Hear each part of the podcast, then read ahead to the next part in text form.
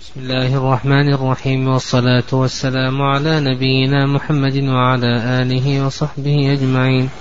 قال الإمام الحافظ رحمه الله تعالى وغفر له ولشيخنا والسامعين والإنباء بمعنى الإخبار إلا في عرف المتأخرين فهو للإجازة كعن.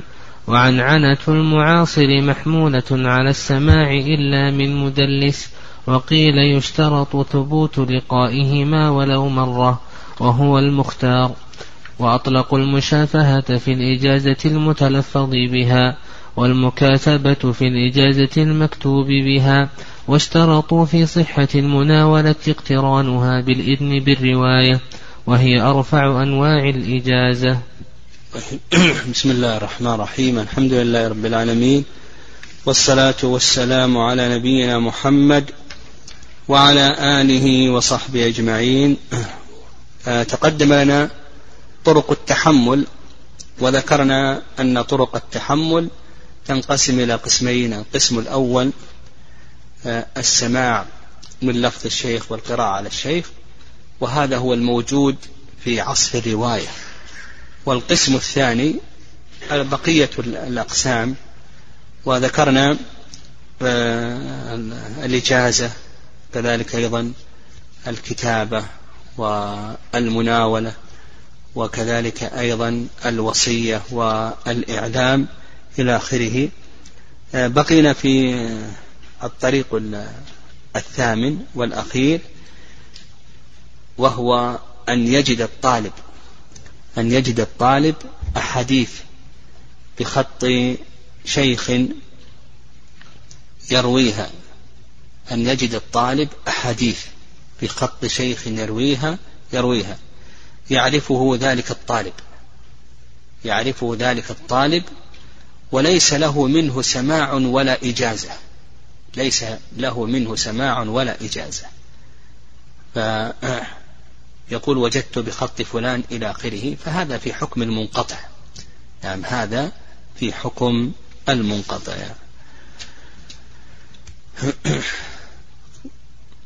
قال والرابع والثالث والرابع تقدم الثالث والرابع يعني قوله أخبرني وقرأت عليه لمن قرأ بنفسه فإن جمع أي قال أخبرنا وقرأنا عليه. يعني إذا جمع قال فكالخامس والخامس قرئ عليه وأنا أسمع. الخامس قرئ عليه وأنا أسمع. و كما تقدم الموجود في عصر الرواية ماذا؟ السماع والعرض. نعم السماع والعرض. وأيهما أرجح السماع أو العرض؟ السماع. نعم هذا الذي رجحه الحافظ بن حجر رحمه الله. وأبو حنيفة والليث بن سعد أن أن ترجيح العرض على السماع ترجيح العرض على السماع. والبخاري رحمه الله يسوي بينهما. نعم البخاري رحمه الله وكذلك الإمام مالك يسويان بينهما.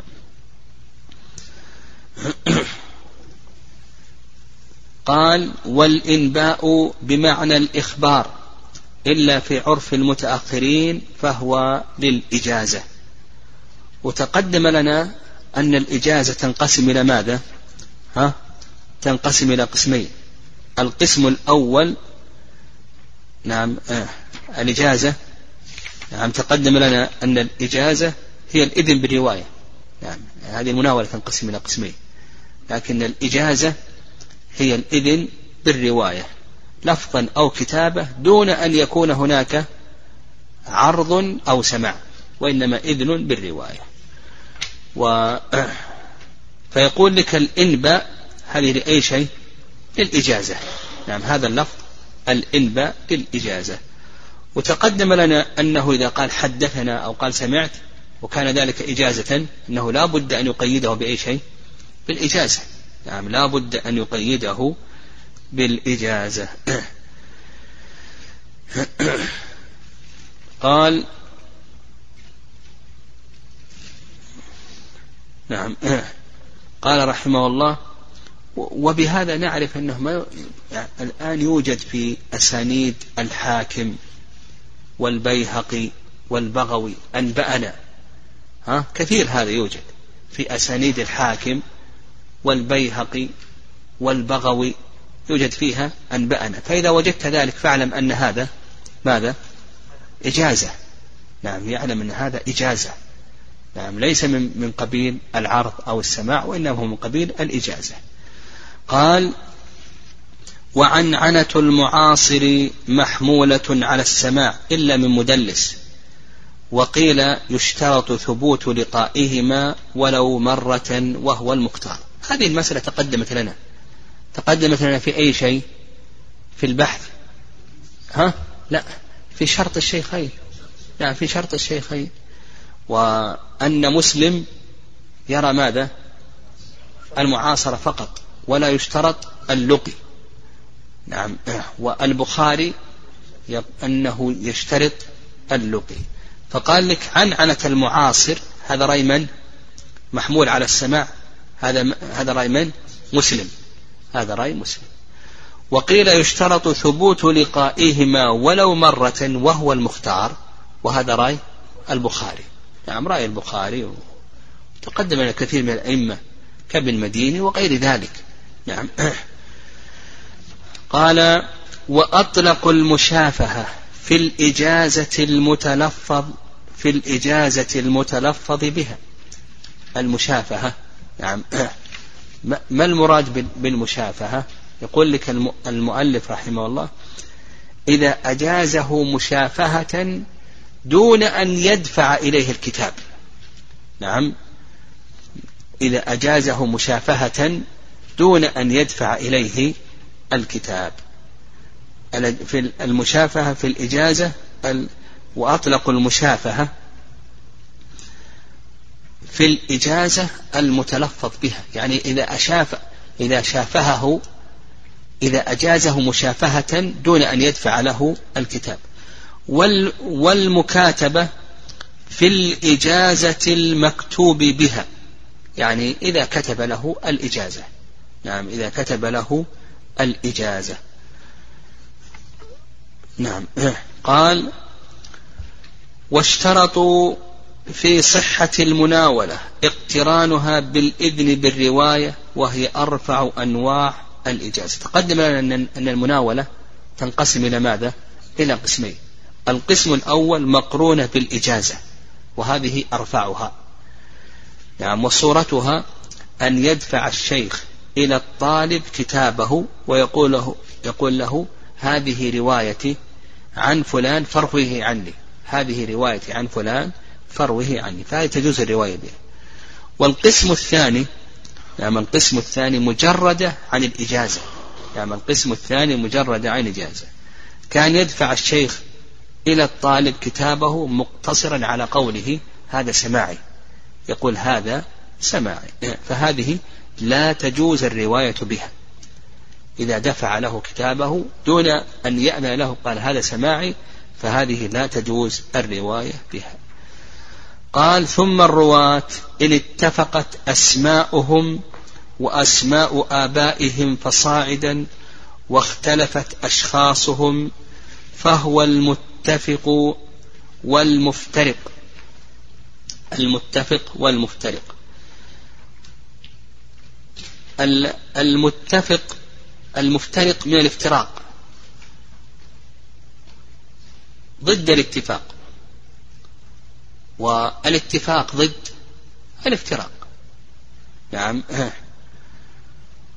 وأما في الاصطلاح فهو أن تتفق أسماء الرواة وأباؤهم فصاعدا خطا ولفظا. نعم أن تتفق أسماء الرواة ها وأسماء آبائهم خطا ولفظا. و وقد تتفق مع ذلك كناهم يعني أسماؤهم وكناهم. وقد تتفق أسماؤهم ونسبتهم. هذا يسمى ماذا؟ متفق ومفت ومفترق. لماذا متفق؟ ها؟ نعم. اتفق في اللفظ والخط. ومفترق لماذا؟ نعم صح. لاختلاف الأشخاص.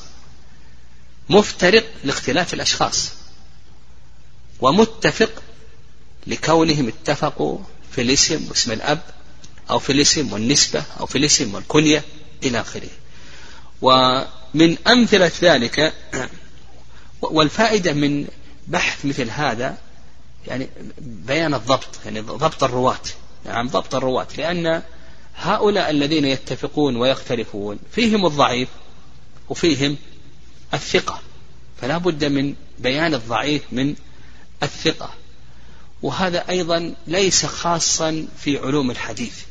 نعم ليس خاصا في علوم الحديث بل حتى في معاجم اللغة. يعني ضبط ذلك مثل مثل كتاب تاج العروس. يعني كتاب تاج العروس.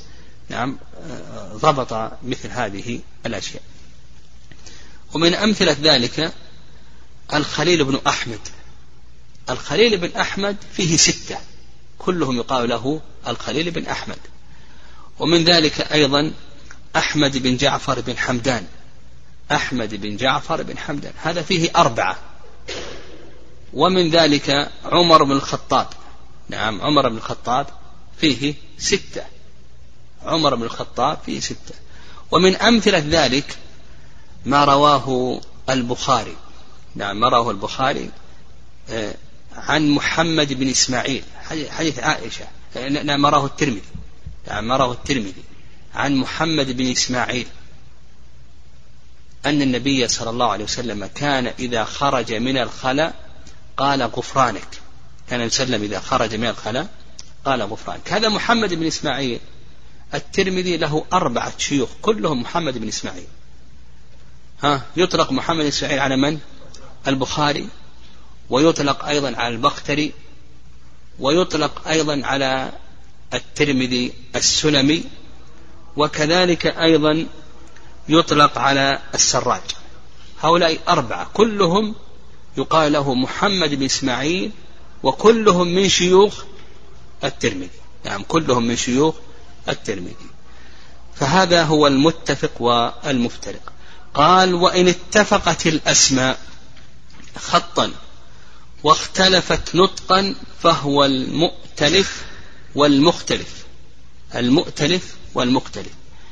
الائتلاف هو الاجتماع والمختلف ضد الاختلاف ضد الاتفاق. نعم. آه. الائتلاف هذا هو الاجتماع والاختلاف ضد ماذا؟ الاتفاق. وأما في الاصطلاح المؤتلف والمختلف يعني في الاصطلاح فهو أن تتفق الأسماء أو الألقاب أو الكنى أو الأنساب خطا وتختلف لفظا إما بالشكل أو بالنقد. ها أعيد. المؤتلف والمختلف ماذا؟ أن تتفق الأسماء أو الألقاب أو الكنى أو الأنساب خطا وتختلف ماذا؟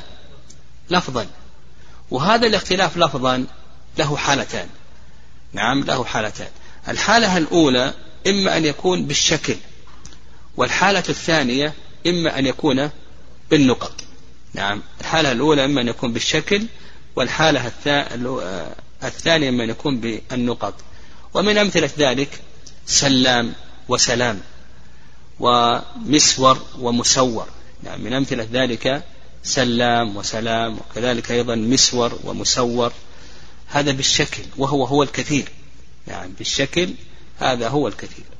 وأما بالنقط فهذا قليل ومن أمثلة ذلك آه، الثوري والتوزي والجمال والحمال والله أعلم وصلى الله وسلم وبارك على نبينا محمد.